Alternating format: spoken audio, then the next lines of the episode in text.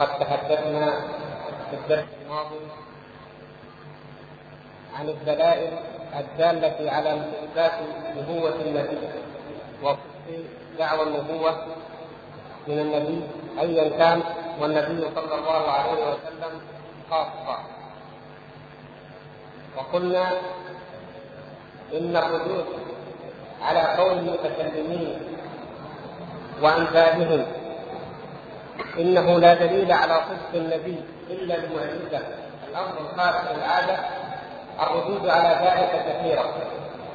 وإن العلم واليقين يقع في النفس بأمور غير هذه الخارقة فإن لليقين طرقا ومصادر يحصل بها فقد تكون من تواتر الخبر وكثرة ناقله وقد تكون من القرائن التي تحف بالخبر أو التي تحف بالدعوة. وقد تكون من الآيات الباهرات التي يجريها الله تبارك وتعالى على يد النبي. فالأدلة كثيرة متضافرة ولا وجه من الحق لدعوى من يدعي أنها محصورة في أمر واحد فقط. ليصحح بذلك النظر العقلي والاستدلال العقلي الفلسفي الذي يقول إن العقل وحده هو الذي يحكم ويزن الشرع ويزن صدق أو كذب دعوى النبوة وأن هذا العقل لا من شيء يحركه أو يلقي فيه اليقين إلا المعجزة الخارقة التي يأتي بها الأنبياء عاده والمؤلف رحمه الله تعالى هنا ذكر ثلاثة أمثلة من سيرة النبي صلى الله عليه وسلم تدل جميعا على أنه صادق وأن الذين استدلوا بهذه الأدلة علموا علم اليقين أنه صادق في نبوته وأنه لا يدعي الكذب. وهذه الثلاثة هي أولا ما وقع من خديجة رضي الله تعالى عنها في أول نزول الوحي واستدلالها على ذلك وثانيا ما وقع من النجاشي وهو ملك نصراني بعيد عن النبي صلى الله عليه وسلم لم يرى ولم يرى دلائل نبوته وإنما بلغه الحق فآمن واعتقده باليقين الذي نتحدث عن طريقة حصوله لديه. والثالثة هي خبر هرقل عظيم الروم الذي هو زعيم الأمة النصرانية الكبرى التي لديها من العلم ومن الأخبار ما تعرف به حقيقة الكاذب من الصادق في أمثال هذه الدعوة وكل هذه الوقائع الثلاثة وهي جزء من وقائع كثيرة في سيرة النبي صلى الله عليه وسلم تدل على ما يذهب إليه أهل السنة والجماعة في مقام تقرير النبوة وإثباتها. ولهذا لما ولهذا لما كانت خديجة رضي الله عنها تعلم من النبي صلى الله عليه وسلم أنها صادق البراءة قال لها لما جاءه الوحي إني قد خشيت على نفسي. فقالت كلا والله لا يؤذيك الله. إنك لتصل الرحم وتصدق الحديث وتحمل الكذب وتخرج الضيف وتكتب المعلوم وتعين على نوائب الحق وهو لم يخف من تعامل الكذب. وهو يعلم من صلى الله عليه وسلم انه لم يكذب وإنما خاف أن يكون قد عرض له عالم الوجود وهو المقام الثاني. فذكرت خديجة ما يحكي هذا وهو ما كان مشغولا عليه من مكارم الأخلاق ومحاسن الشيم وقد علم من سنة الله أن من على الأخلاق المحمودة ونزهه عن الأخلاق المذمومة فإنه لا يؤذيه وكذلك قال النجاشي لما استخبرهم عن ذلك المبين واستقرأهم القرآن فقالوا عليه إن هذا والذي جاء به موسى عليه السلام ليخرج من مكان واحدة وكذلك ورقته نوبل لما أخبر النبي صلى الله عليه وسلم بما رآه وكان ورقة قد تبصر وكان يقول الإنجيل العربية فقالت له خديجة أي اسمع من ابن أخيك ما يقول؟ فأخبره النبي صلى الله عليه وسلم بما رأى فقال هذا هو الناموس الذي كان يأتي موسى. خديجة رضي الله تعالى عنها امرأة ذات عقل راجع وحكمة وروية وتبصر بالأمور هذه المرأة لما أتاها النبي صلى الله عليه وسلم وهو في تلك الحالة التي صورها حديث عائشة في أول صحيح البخاري في بدء الوحي. كان النبي صلى الله عليه وسلم جاءها وهو يخلق فؤاده وهو خائف وجد من هذا الحدث الهائل الذي لم يكن يتوقعه والذي خاف منه على نفسه. كان يتعبد ويتحنث في ذلك الغار وإذا بهذا الملك يأتي هذا الذي لم يعرفه النبي صلى الله عليه وسلم ولم يسمع عنه من قبل ولم يسمع أنه جاء إلى أحد ويأتي ويناديهم بين السماء والأرض ثم ينزل إليه فيغصه الثلاث المرات ثم يقول له اقرأ كما تعلمون الحديث. وينزل النبي صلى الله عليه وسلم وفؤاده يرجف وهو خائف. هلع من هذه المأدمة التي ما لا عهد له بها؟ فأتى إلى خديجة رضي الله تعالى عنها وكانت نعم الزوجة وصارحها النبي صلى الله عليه وسلم وعرض عليها المشكلة وقال لقد خشيت على نفسي. فلا يدري صلى الله عليه وسلم ما هذا الأمر ويخشى على نفسه من ذلك إما يخشى المرض وإما يخشى الموت وإما يخشى يخشى أمرا مجهولا. لا يدري ما نهاية هذا الأمر وهل له من نهاية. أن يقف عند هذا الحد. كل ذلك غيب بالنسبة له صلى الله عليه وسلم لأنه ما كان يرجو أن يلقى إليه الكتاب ولا كان يتوقع ذلك ولا علم له بأمثال هذه الأمور المغيرة. الشاهد أن خديجة رضي الله تعالى عنها لما أرادت أن تطمن النبي صلى الله عليه وسلم من ناحية وأن تفكر هي وترى الحق والبصير من ناحية أخرى لأنه هي أيضا قد قد تخشى عليه أن يكون هذا الإنسان من الشيطان أن يكون أمرا ما حدث له صلى الله عليه وسلم. لكن لا هي فكرت في ذلك بهذا العقل الراجح وبهذه البصيرة التي لديها. قالت للنبي صلى الله عليه وسلم لما قال لقد خشيت على نفسي قالت كلا والله لا يخزيك الله أبدا. لا يخزيك الله أبدا. أقسمت على ذلك وهي الباره الصدوق. أن الله لا يخزيك أبدا. ولماذا لا يخزيك؟ ذكرت هذه الصفات النبيلة الحميدة التي من تحلى بها فلن يخزى ولن يذل أبدا. إنك تصل الرحم وتصدق الحديث وتحمل الكلب وتقري الضيف وتكسب المعدوم وتعين على مواهب الحق. هذه الصفات صفات عجيبة لا يمكن أن تجتمع في إنسان ويخزيه الله سبحانه وتعالى. أهل الجاهلية على ما فيهم كانوا إذا اجتمع بالرجل منهم حب العدل والعفاف والكرم توقعوا له الخير وحسن العاقبة والسمعة الحسنة والقبول. لأن هذا هكذا كل النفوس مجبولة على أن الله سبحانه وتعالى عدل. وأن الله سبحانه وتعالى كريم وأنه سبحانه وتعالى يجازي الإنسان من جنس ما يعمل.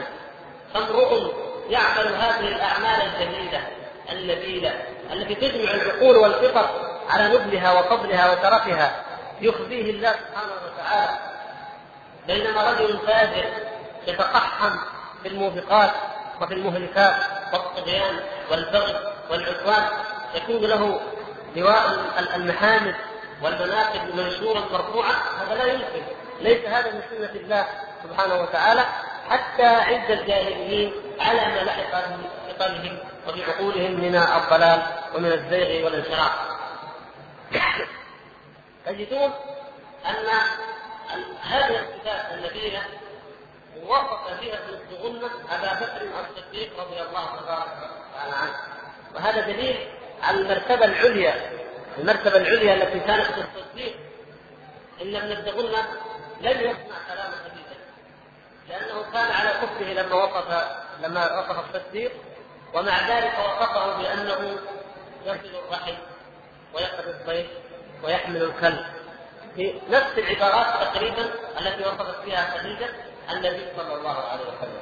فانظروا كيف هذا الوصف تطابق مع هذا. ثم انظروا كيف كان أول رجل يؤمن بالنبي صلى الله عليه وسلم هو أبو بكر الصديق رضي الله عنه ولم يتردد قط ولم يكن له هنا وإنما على السجيه وعلى الفطرة شهد أن الله واحد وأن محمدا صلى الله عليه وسلم صادق بلا تردد بلا تردد منه. فطابق الصفات يدل على أن هذه الصفات صفات الخير. تأتي بالنبي وهي أعلى ما يمكن أن تكون فيه ثم تكون في الصديق وهو الدرجة الثانية بعد النبوة. فأفضل الخلق بعد الأنبياء هم الصديقون. فأولئك مع الذين أنعم الله عليهم من النبيين والصديقين والشهداء والصالحين. الواو هنا بالترتيب الترتيب في هذه الآية واضح. أفضل الناس الأنبياء ثم الصديقون ثم الشهداء ثم الصالحون.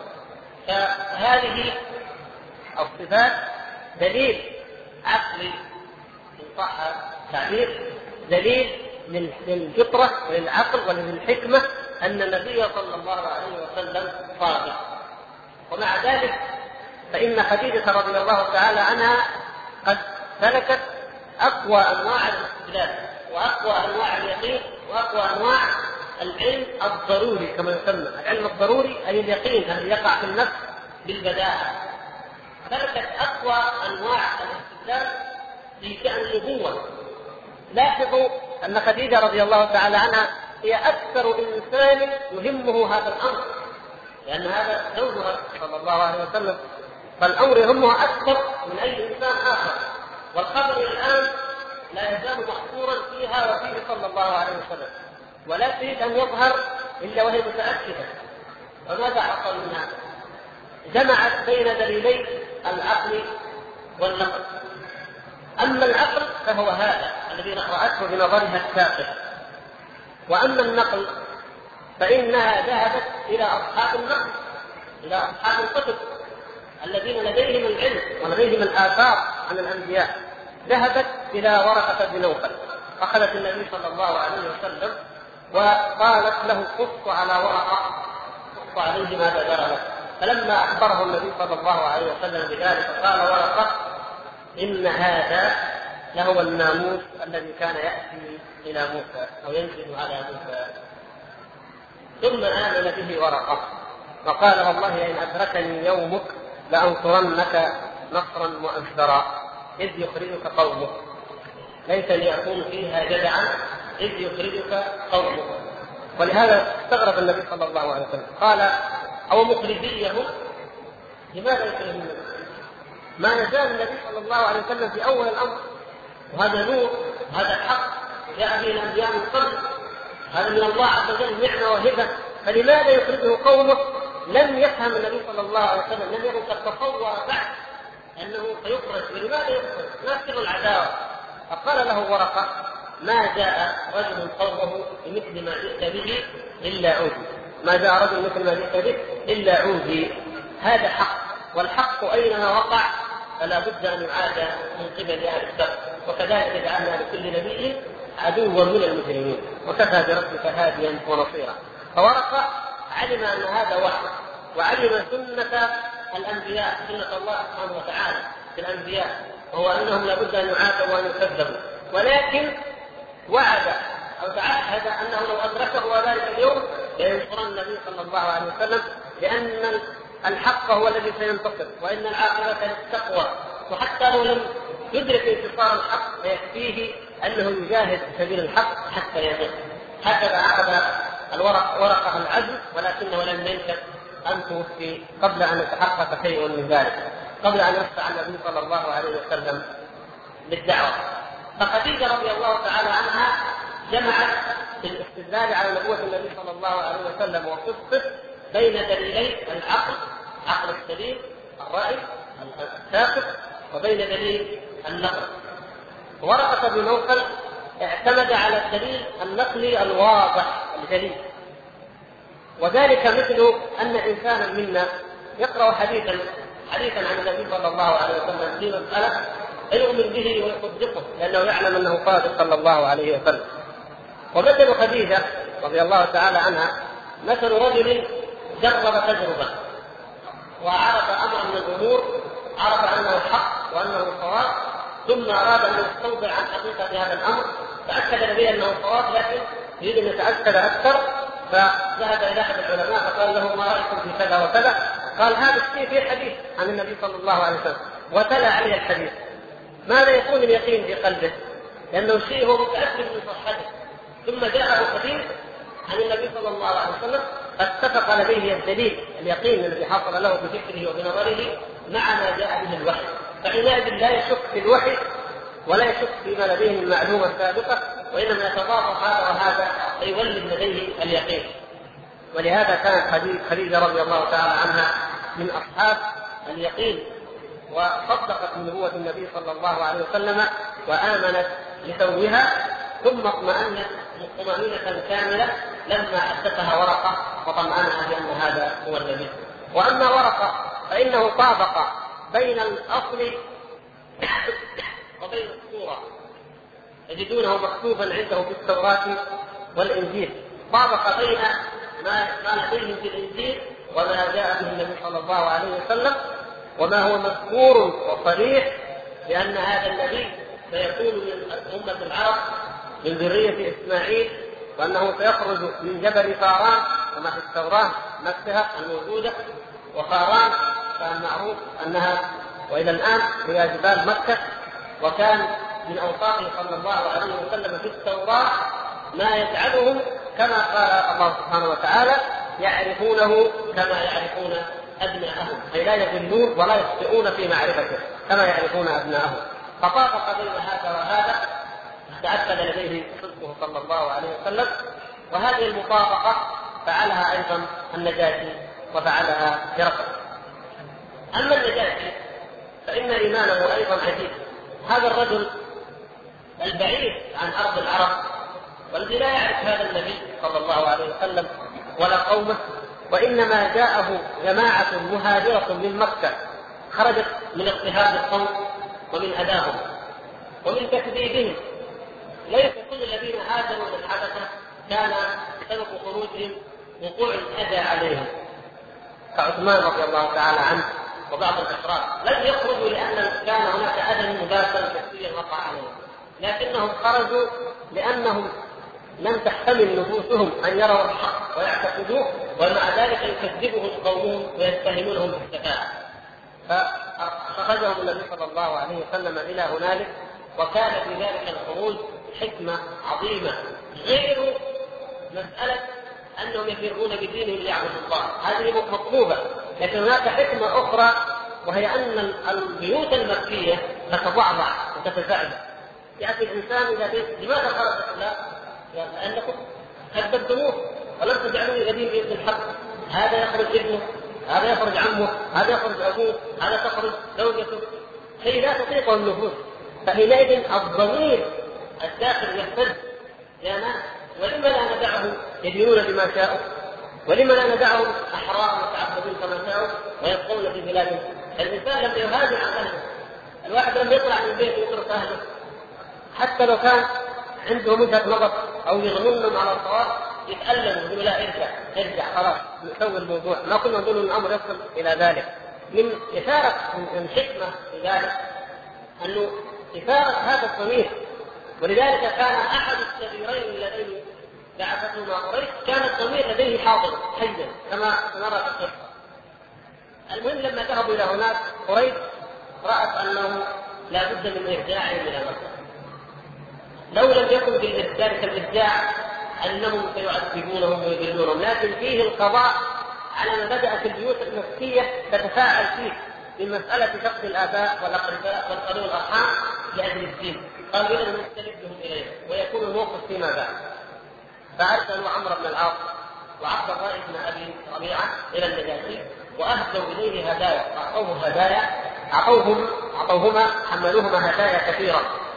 ومن أعظم الهدايا التي كان يحبها النجاشي ويحبها قومه الأذن الجلود المذبوحه الأذن كانت توجد لدى العرب وغيرهم من الأمم لم توجد فيهم بالشكل الذي عند العرب فكانت تعجبهم هذه البضاعة وهذه الهدايا والتحف فاعطوهم حملوهما التحف وقالوا قال قريش اذهبوا إليهم وأعطوا رؤساء القوم والأساقفة والمستشارين أعطوا كل منهما هديته وأقنعوهم على الأمر خطة محكمة.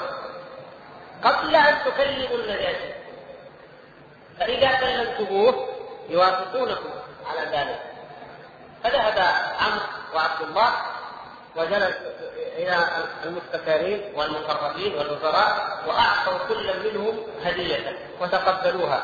وقالوا لهم الأمر كذا وكذا ونريد إذا طرح الموضوع عند الملك أن تؤيدونه.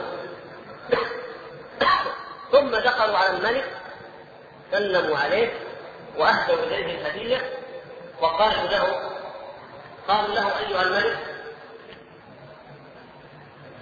قالوا أيها الملك إننا جئنا إليك من أشراف قومنا وإن من قومنا نبتت في قومنا حلية السفهاء تركوا دين قومهم وأشرافهم وكبارهم وسفهوا أحلامهم وخطأوا آراءهم وقد جاءوا إليك مهاجرين. وإن قومهم أعلم بهم منكم. فإن رأيتم أن تردهم فإن رأيت أن تردهم إلى أقوامهم فإنهم أعلم بشأنهم وحالهم منكم. لكي لا تفقد المودة بينك وبينهم. معنى كلامهم. فقال النجاشي ائتوني بهم. أشار قومه أشار المستشارون القوم إليه قالوا أيها الملك هؤلاء سفهاء وقومهم أعلم بهم وبحالهم فردهم إليهم. ولم يكونوا يريدون لا هؤلاء ولا عبد لا عمرو عبد الله. لم يكونوا يريدون أن يأتي المسلمون إلى مجلس النداء لأنه لو جاء إذا دار الحوار النتيجة غير مضمونة. فكان يريد أن يصدر أمر ثوري وتنتهي المسألة. ولكن النجاشي قال لا. ائتوني به. يرى ما عندهم. فلما جاءوا إليه فسألهم من أنتم؟ أما لما بلغ الصحابة رضي الله تعالى عليهم أن النجاشي يريدهم وأن رسل قريش جاءت اجتمعوا وقالوا ماذا نصنع؟ فقالوا لا نقول إن شاء الله إلا الحق. والله سبحانه وتعالى سيظهر أمرنا وسوف تكون العاقبة لنا. ثم جاءوا إليه وقالوا قال لهم ما شأنكم وما خبركم؟ فتكلم جعفر رضي الله تعالى عنه. قال أيها الملك إنا كنا في قوم أهل كفر وجاهلية. نعبد الأصنام ونأكل البيت ونقطع الأرحام ونأكل مال اليتيم ونفعل ونفعل وذكر من الموبقات التي كانوا يرتكبونها في الجاهلية وكنا نفعل أشياء غير ذلك. فبعث الله تعالى فينا رسولا منا نعرف نسبه وصدقه وأمانته وعفافه. فدعانا إلى عبادة الله وحده ونسي ما نحن عليه من الأصنام وأمرنا بالعفاف والتقوى وصلة الأرحام وصيانة الأيتام ونهانا عن الفجور وعن كذا وكذا وأخذ يعدد ما كان عليه أمر الجاهلية. فآمنا به وصدقناه واتبعناه فآتانا قومنا وأبوا علينا أن نتبعه وأرغبونا على أن نعود فيما كانوا فيه من الكفر والضلالة والجاهلية. فلما راينا الأمر كذلك؟ جئنا إليك وهاجرنا إلى بلادك بعلمنا أنك ملك عادل لا يظلم أحد في جوارك وها قد ارسلوا إلينا إليك يطلبوننا. فهذا هو شأننا معهم. فقال لهم النجاشي هل عندكم مما جاء به شيء؟ إذا القضية الشاهد النجاشي الآن سمع الدعوة دعوة نبوة. سمع دعوة نبوة. فيريد شيء يستدل به. لاحظوا كيف سيكون الدليل على صدق النبي صلى الله عليه وسلم؟ الدليل جزء من الدعوة لأن نص القرآن هو مما كذب به الكفار ومما قالوا إنه قول شاعر أو قول ساحر أو قول كاهن أو كذا أو كذا مما قالوا. فما الدليل على أن هذا القرآن من عند الله؟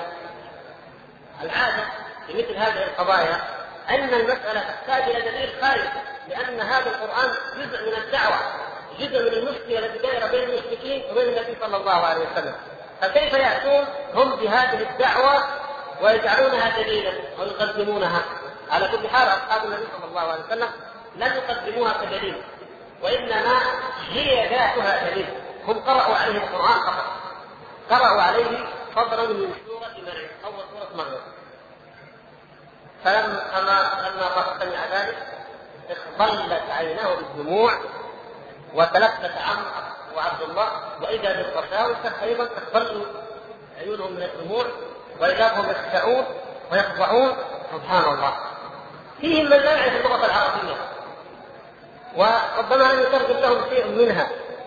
وهذا القرآن هو نفسه القضية المختلف فيها. كان يمكن أن يقول ما الدليل على أنه من عند الله لكن لا المسألة اليقين أكبر من قضية أنه يحتاج إلى دليل. الدعوة نفسها دليلها بذاتها تحمل دليلها في ذاتها. من أين يمكن لمثل هذا الكلام أن يخرج؟ ومتى عرف عن العرب مثل هذا الكلام؟ وهذا الكلام لا يدخل الاذان انما يدخل إلى القلوب مباشرة سواء من من يعرف لغة العرب ومن لا يعرفها. سبحان الله. ولذلك قال الله تعالى واذا سمعوا ما أنزل الرسول ترى أعينهم تفيض من الدمع مما عرفوا من الحق هذه الآية نزلت في النجاشي ومن سمع هذا القرآن واحق الناس بها هم أولئك فقال لهم لن أردهم قال نص العبارة هنا؟ إن هذا والذي جاء به موسى سيخرج من مشكاة واحدة، إذا جاء به عيسى يخرج من مشكاة واحدة. هذا مشكاة الوحي، هذه مشكاة الوحي، هذا الكلام يخرج من نفس ما جاء به عيسى وما جاء به موسى. فكل من يؤمن برسالة عيسى وموسى وأي نبي فعليه حتما ويقينا لزاما أن يؤمن بهذا النبي وأن هذا من عند الله تبارك وتعالى. ثم ردهم وقال لن لن أردهم إليكم وأخذهم وقال هات الاذن أخذ الاذن هذه التحفه الهدية وقال خذوها فارجعوا وارجعوا عنها. أما عبد الله بن أبي ربيعة فقد استمع ولم تكن نفسه ترضى أن يعود اولئك إلى ما كانوا فيه من الاجتهاد وأن يخرجوا أذلة من هذا البلد. رغم العداوة ورغم أنه سفير قومهم اليهم وأما عمرو بن العاص فإنه كان فيه من الدهاء فيه من التفكير والكياسه ولا يريد أن يرجع إلا وهو منتصر وأحيانا يكون اشتداد القضية اشتداد الموضوع أجعل أن يكون الحد أكثر. الإنسان انه لما يشتد قضية فيحسمها إلى صالحه. بينما يكون هذا اجعل ان تنحد بغير صالحه فتنسد أمامه الطرق. تفكر فكر عنه قال والله لاتينهم بالقاصمه التي لا يستطيعون ردها. فذهب إلى النجاة في اليوم الثاني وقال أيها الملك إنهم يقولون في عيسى قولا عظيما. ماذا يقولون؟ قال يقولون إنه عبد أيوه هنا عبد يعلم بن العاص أن النصارى جميعا يقولون إنه ابن الله وأنه لا ثلاثة وأنه إله. فقال إذا أنا اضرب بعضهم ببعض قال إنه يقول إنهم يقولون إن عيسى عبد لا بس عبد ما بينوا عبد الله هم عبد ليكون هناك نوع من الإثارة النجاشي أيضا رجل عادل رجل موقف فدعاهم كانوا مرة يسمع الجواب على هذه التهمة بلغ الصحابة رضوان الله تعالى عليهم ذلك فقالوا ماذا نصنع؟ قال والله لن نقول إلا الحق وما قال رسول الله صلى الله عليه وسلم. وليكن ما يكن شوفوا يا أخوان المسألة الأمر إذا كان أمر دين واعتقاد هذه مداهنة هذه مواربة هذه مخادعة مسألة كفر وإيمان لابد أن يقول الإنسان كلمة الحق والنتيجة معروفة. لو طرده يرجع إلى مكة وهم من هناك ولهم من يعذب هناك ورسول الله صلى الله عليه وسلم هناك. فليس يعني ليس هناك الإكراه الظاهر المجرم الذي يقتضي يقول كلمة الكفر لكن هناك صعاب وهناك متاعب. نعم لكن لا, لا ينظر إلى هذه الأمور بالسبيل أن يقال كلمة الحق. فقال لهم ما تقولون في عيسى؟ قالوا هو عبد الله ورسوله وكلمته ألقاها إلى مريم وروح منه. تكمل العبارة. عبد لا جابوا العبارة كاملة. التي جاءت في الحديث الآخر. فقال النجاشي أخذ عودا وقال والله ما عدا عيسى هذا الوقت. ما خرج ما عدا عيسى لم يتجاوز عيسى هذا الوقت على الإطلاق. هذا هو هذه هي حقيقة عيسى. ولا أكثر من ذلك. ابدا هذه حقيقة. فتناقضت خصائصه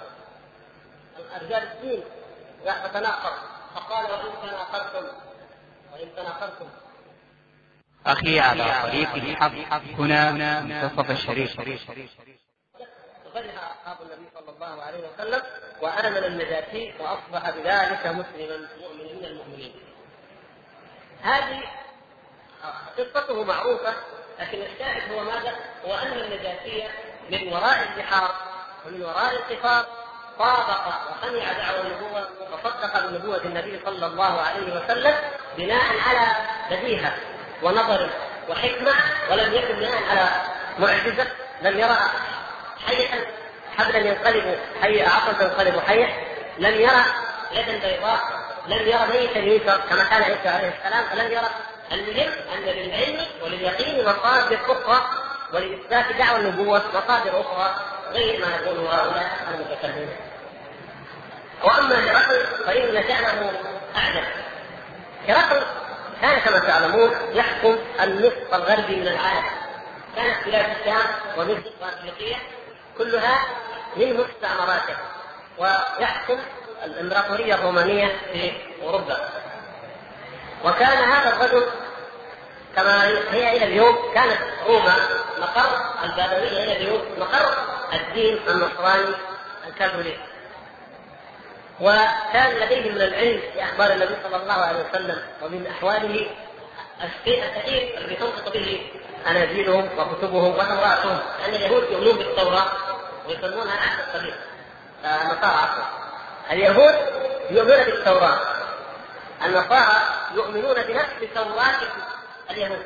ويسمونها العهد القديم ويضيفون إليها العهد الجديد الذي هو الاناجيل والرسائل التي كتبها من يسمونهم الرسل في مجموع العهد القديم والعهد الجديد يتكون الكتاب المقدس عند النصارى. الكتاب مثلا فرض مثل هذا السفر يسمى الكتاب المقدس. التوراة في الأول الأناجيل في الأخير. أسفار التوراة هنا. اليهود يؤمنوا بهذا فقط ويكفرون بالأناجيل النصارى يؤمنوا بهذا وهذا بنفس الألفاظ حتى تعلموا التقارب بين اليهود والنصارى لماذا؟ لأن أولئك يؤمنون بكل ما عند اليهود لكن يضيفون إليه أشياء أخرى. وكل ما في التوراة من الثناء على بني إسرائيل وأن الأرض المقدسة لهم وأنه وأنه هذا يؤمن به النصارى أيضا. الشاهد فهؤلاء جمعوا بين بشارات التوراة التي كان يعلمها اليهود في المدينة وأمثالهم. وبين بشارات الإنجيل التي هي موجودة في الأناجيل أيضا. فكانت لديهم هذه البشارات وكانوا والفرس في حرب. والنبي صلى الله عليه وسلم وأصحابه كانوا يتمنون أن يظهر الله سبحانه وتعالى أهل الكتاب. الروم على الفرس المشركين. وكان المشركون من يتمنون أن يظهر الله الفرس لأنهم مشركون. مثلهم على الروم. ولهذا قال سبحانه وتعالى ألف لام غلبت الروم في أدنى الأرض وهم من بعد غلبهم سيغلبون في جمع سنين وحصل أنه عند لم في آه، بعد صلح الحديبية أو قريب منه قدر الله سبحانه وتعالى وحصل ما أخبر به تعالى وغلبت الروم الفرس وانتصرت عليه انتصارا عظيما. وهرقل كانت نفسيته متقبلا الحق والشكر لله عز وجل. أقسم هو على الله أقسم على نفسه بالله أن نصرني الله على الفرس انني امشي من حمص إلى إيليا إلى القدس. ماشيا.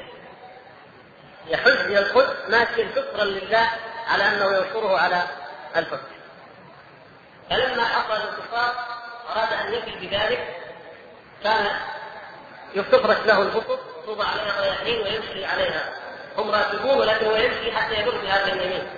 هو نفسه تخرج من كانت تلك النفسية مهيئة للحق ولشكر الله سبحانه وتعالى وإذا به في تلك الأيام يأتي دحية كلبي بكتاب النبي صلى الله عليه وسلم.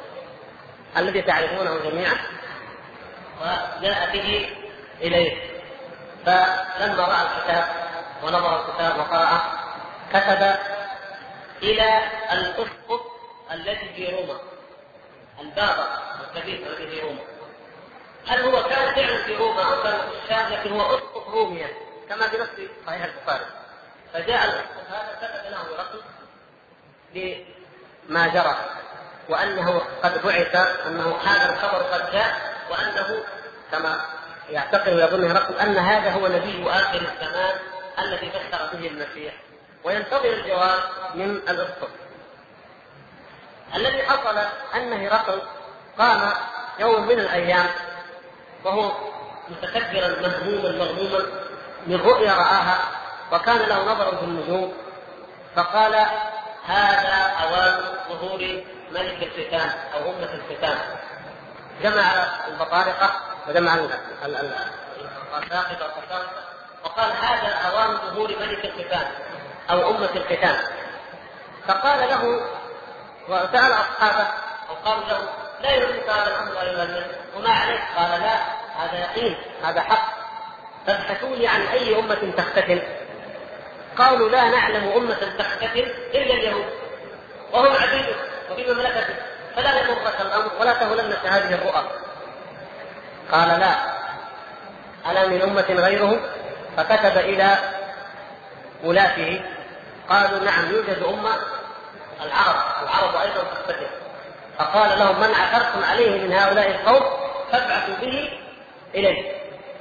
فكتب كان منهم والي غزة وكان أبو سفيان زعيم قريش استغل الصلح الذي حصل في الحديبية والهدنة الفتح المبين الذي أعطاه الله نبيه محمد صلى الله عليه وسلم بالحديبيه قريش فرحت بالصلح والهدنة لقتاله والنبي صلى الله عليه وسلم وأصحابه فرحوا به ليتاجروا مع الله وليدعو الناس إلى دين الله عز وجل. فكانت الكتب إلى ملوك الأرض بعده فوجدوا أبا سفيان في غزة وما شعر إلا وهم يقولون عليه. من وإلى أين؟ قالوا إلى هرقل. وحملوه إلى هرقل. خرج بالتجاره وينصرف إلى حلم من غزة إلى حلم ودخل على هرقل. أجلسه هرقل وكان معه قرابة ثلاثين رجلا. أو عشرين. المهم من قريش كانوا معه. أجلسه ابو هرقل اجلس ابا سفيان وقال له إني سائلك عن أمر هذا النبي أو أمر هذا الرجل. سائلك وأنتم ان إن كذب فكذبوه. يعني من معه. إن كذب فكذبوه. أبو سفيان رضي الله تعالى عنه ذاك الوقت كان كافرا. وكان يعلم أنه لو كذب لن يكذبه القوم لن يكذبه القوم. لكن قال والله ما منعني أن أكذب إلا الحياة. الحياة. لأن العرب لديهم فطرة ولديهم ولما سأله قال من أقرب من اقربكم إلى هذا الرجل؟ قال أبو سفيان أنا. فهو زعيم القوم اولا. وزعيم القوم لا يكذب. إذا كذب الزعماء كيف كيف حال الأتباع؟ وخاصة العرب كانت تظن هذا الكلمة الفجور ثم إنه أقرب الناس إلى النبي صلى الله عليه وسلم من ذلك الرشد لأنه كما تعلمون بنو أمية هم أقرب البيوت إلى بيت النبي صلى الله عليه وسلم. لأن جد الجميع عبد مناف جدهم الرابع. فهو يرى أنه ما الذي سيقول في نسب هذا النبي؟ ما الذي سيقول في في, في أمره؟ مسألة محيرة. وهو واقع في أمر الحياة. ويريد هذا عدو ينتقم منه لكن الحياء يمنعه.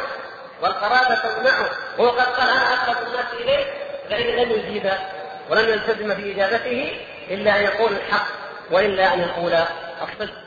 ثم ابتدأ تلك المناظرة الفريدة.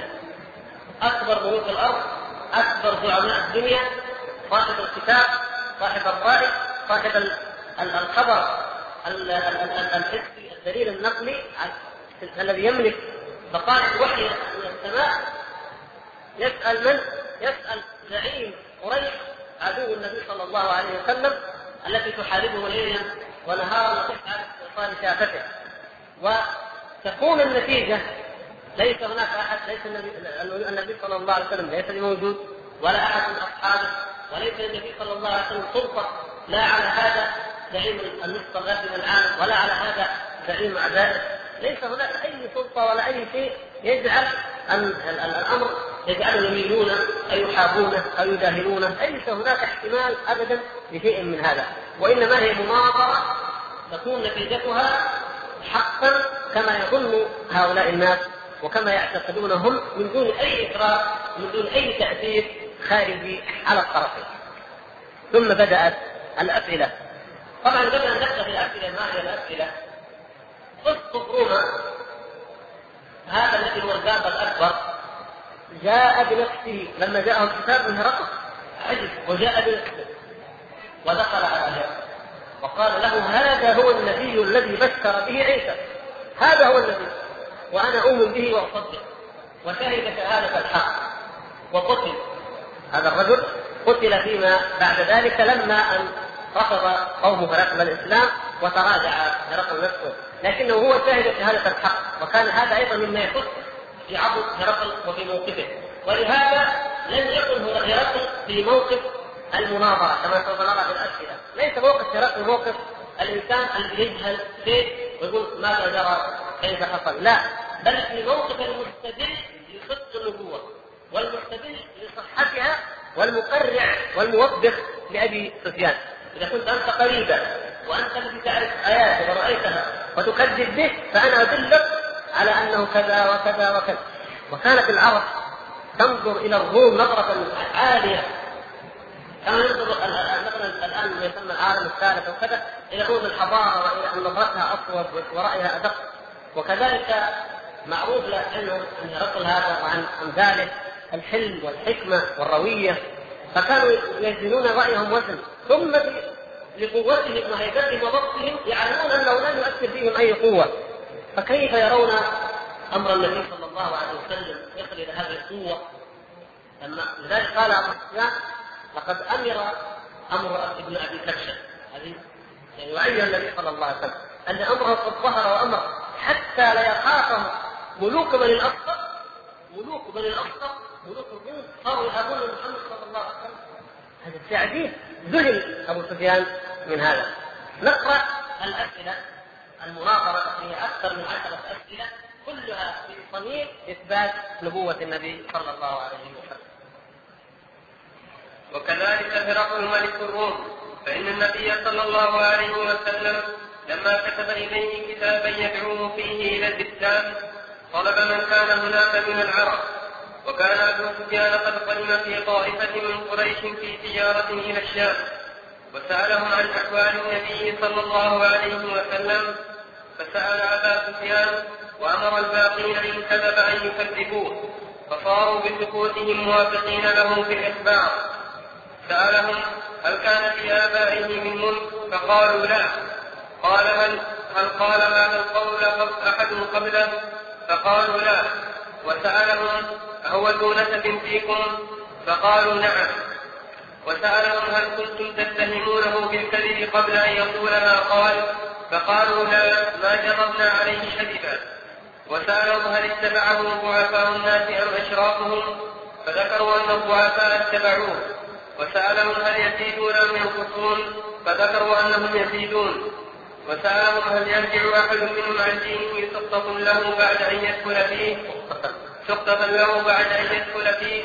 فقالوا لا وسألهم هل هل قاتلتموه؟ قالوا نعم. وسألهم عن الحرب بينهم وبينه فقالوا يدال علينا مرة وندال عليه أخرى. وسألهم هل يقدر فذكروا أنه لا يقدر. فذكروا أنه لا يقدر.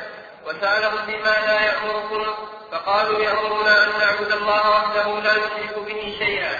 وينهانا عما كان يعبد آباؤنا ويأمرنا بالصلاة والصدق والعفاف والصلة وهذه أكثر من عشر مسائل ثم بين لهم ما في هذه المسائل من الأدلة. فقال سألتكم هل كان في آبائه من ملك؟ فقلتم لا. من ملك. سألتكم هل كان في آبائه من ملك؟ فقلتم لا. قلت لو كان في آبائه من ملك لقلت رجل يطلب منك أبيه. وسألتكم هل قال هذا القول فيكم أحد قبله؟ فقلتم لا. فقلت لو قال هذا القول أحد قبله لقلت رجل اتم بقول قيل قبله. قيل قبله. وسألتكم هل كنتم تتهمونه بالكذب قبل أن يقول ما قال؟ فقلتم لا. فقلت قد علمت أنه لم يكن ليجعل كذبا على الناس ثم يذهب فيكذب على الله تعالى. وسألتكم أضعفاء الناس يتبعونه أم أشرافهم فقلتم ضعفاؤه وهم أتباع الرسل يعني في أول أمرهم. ثم قال وسألتكم هل يزيدون أم ينقصون؟ فقلتم بل يزيدون وكذلك الإيمان حتى يتم وسألتكم هل يرتد أحد منهم عن دينه سقطا له بعد أن يدخل فيه؟ فقلتم لا. وكذلك الإيمان إذا خالطت بشاشته القلوب لا يسقطه أحد. وهذا من أعظم علامات الصدق والحق. فإن الكذب والباطل لا بد أن ينكشف في آخر الأمر. فيرجع عنه أصحابه ويمتنع عنه من لم يدخل فيه. والكذب لا يعود إلا قليلا ثم ينكشف. وسألتكم كيف الحرب بينكم وبينه؟ فقلتم إنها زوج. وكذلك فقلتم إنها دول وكذلك الرسل تبتلى وتكون العاقبة لها قال وسألتكم هل يقدر فقلتم لا. وكذلك الرسل لا تقدر وهو لما وهو لما كان عندهم من علمه بعادة الرسل وسنة الله فيهم أنه تارة ينصرهم وتارة يبتليهم وأنهم لا يغفرون علم أن هذه علامات الرسل وأن سنة الله في الأنبياء والمؤمنين أن يبتليهم بالسراء والضراء لينالوا درجة الشكر والصبر. كما في الصحيح عن النبي صلى الله عليه وسلم أنه قال والذي نفسي بيده لا يقضي الله للمؤمن قضاء إلا كان خيرا له وليس ذلك لأحد إلا للمؤمن. إن أصابته سراء شكر فكان خيرا له. إن أصابته سراء شكر فكان خيرا له. وإن أصابته ضراء صبر فكان خيرا له. والله تعالى قد بين في القرآن ما فيه هداية العدو عليهم يوم أحد من الحكمة. فقال ولا تهنوا ولا تحزنوا وأنتم الأعلون إن كنتم مؤمنين. وقال تعالى الإسلام أحسب الناس أن يتركوا أن يقولوا آمنا وهم لا يفتنون. إلى غير ذلك من الآيات والأحاديث الدالة على سنته في خلقه وحكمته التي بلغت العقول قال وسألتكم عما يأمر به فذكرتم أنه يأمركم أن تعبدوا الله ولا تشركوا به شيئا ويأمركم بالصلاة والصدق والعفاف والصلة وينهاكم عما كان يعبد آباؤكم وهذه صفة نبي وقد كنت أعلم أن نبيا يبعث ولم أكن أظنه منكم.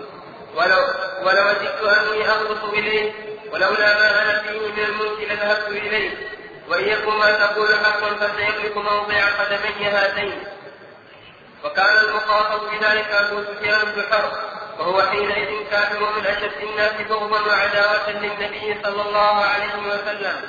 قال أبو سفيان بن حرب فقلت لأصحابي ونحن خروج لقد أمر لقد أمر أمر لقد أمر أمر ابن أبي كبشة. لقد أمر أمر ابن أبي كبشة. لقد أمر أمر ابن أبي كبشة. إنه ليعبر ملك بني الأصفر وما زلت موقنا بأن أمر النبي صلى الله عليه وسلم سيظهر حتى أدخل الله علي الإسلام وأنا كاره ومما ينبغي أن يعرف هذه الأسئلة كما سمعتم هذه المناظرة بين الزعيمين الكافرين في شأن نبوة النبي صلى الله عليه وسلم. رتب الأمر جعل أبو سفيان أمامه والقوم خلفه وفي إمكانهم أن يكذبوه ولو بالإشارة ليتأكد من صدق أبي سفيان وابتدأ الأسئلة أسئلة الإنسان البصير العالم الناقد الذي ينتقد خطوة خطوة حتى يصل إلى النتيجة الحاسمة المؤكدة. فبدأ يقول هل كان من آبائه ملك؟ عادة قد يقال إن هذا يريد الملك. ولهذا قالت قريش إن كان إنما يريد ملكا ملكناه. فالذي يريد أن يكون له أتباع أو كذا قد يدعي النبوة كما فعل مسيلمة كما فعل غيره. يكون له أتباع له شأن عند الناس. فقال هل كان من آبائه من ملك فيريد أن يمشي على سنة آبائه ويكون له ملك ويكون له شأن. فقال قالوا لا. قال فهل قال هذا القول فيكم أو منكم أحد قبله؟ هل كان هناك أحد ادعى النبوة وفكر وقال هذا أنا برتبها وأدعي دعوة وتنجح؟ قالوا لا. في الجواب إيش يقول؟ يقول هرقل لهم بعد ما سمع الجواب. قال سألتكم هل كان من آبائه من ملك فقلتم لا. قلت لو كان من آبائه من ملك لقلت رجل يطلب ملكا وسألتكم هل قال هذا القول فيكم أحد قبله؟ فقلتم لا. فقلت لو قال هذا القول أحد قبله لقلت رجل اعتن بقول قيل قبله. سمع ناس قالوا شيء ظهر فقال أنا أيضا سأدعو وأظهر حتى يكون لي مثل ما له لكن لم يعهد في أمة العرب ما أتاهم من قبلك من نذير قال وسألهم أهو ذو نسب فيكم؟ فقالوا نعم. سألوه عن النسب فقالوا نعم هو شريف من أشرافنا ذو نسب وكما قلنا ابو سفيان لم لم يزكي نسبه لأنه يزكي نسبه هو لأن القرابه بينهما وهذا هو الحق. فأخبره هرقل بأن الأنبياء تبعث من أشراف القوم ولا تبعث من اراذلهم قال هرقل اذا هذا أيضا دليل على أن هذا النبي قال وسألهم هل كنتم تتهمونه بالكذب قبل أن يقول ما قال؟ واحد كذاب دجال فاجر ادعى النبوة له كذب. قالوا ما جربنا عليه كذبا قط.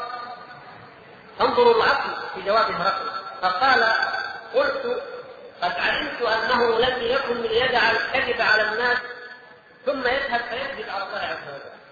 ما يمكن ابدا هذا. الذي ما كذب على الناس في شيء لن يذهب ويكذب على الله. ويفتري عليه ويدعي على الله عز وجل ما لم يقل. اذا فهو نبي صادق قال وسألهم هل اتبعه ضعفاء أم أشرافه؟ يعني في أول الأمر. قالوا بل اتبعه الضعفاء وقال وكذلك الأنبياء لأنه يقرأ في قصص الأنبياء كما تعلمون. الملأ الذين استكبروا والملأ الذين استضعفوا فريقان عادة أول ما يأتي أي نبي. الملأ الذين استكبروا يخافون عن المال والسلطان والجاه والمكانة فلا يؤمنون. الملأ الذين استضعفوا ما عندهم شيء من الدنيا ويرون الحق واضح فيقدمون ويقبلون على الحق. لكن بعد ذلك يدخل الأشراف يدخل غيره والنبي صلى الله عليه وسلم قد دخل معه من أشراف القوم في أول الأمر أيضا. لكن كان المقاتل كان الزعماء والكبراء ضده صلى الله عليه وسلم. لكن من الأشراف من المؤمنين من هو شريف ومنهم من هو من الموالي أو من العبيد. فهذه أيضا علامة دالة على صدق النبي صلى الله عليه وسلم واستدل بها هرقل ثم سأله هل يزيد أتباعه أم ينقصون؟ لأن الإنسان ممكن يدعو أي دعوة يتبع كثير لكن يبدو يتنافسوا لأنهم ظنوا فيه ظنون مثالية لما خبروه وعايشوه واحد تبين انه كذاب واحد تبين انه في شيء. واحد انه يريد مصلحه لنفسه واحد دائما تتعارض الاقوال تتعارض الرغبات فيتراجعون عنه. وهكذا في كل دعوة يتراجع كثير يتراجع هناك. فسالهم هل يتراجعون هل يرتد أحد منهم خطة في هذا الدين؟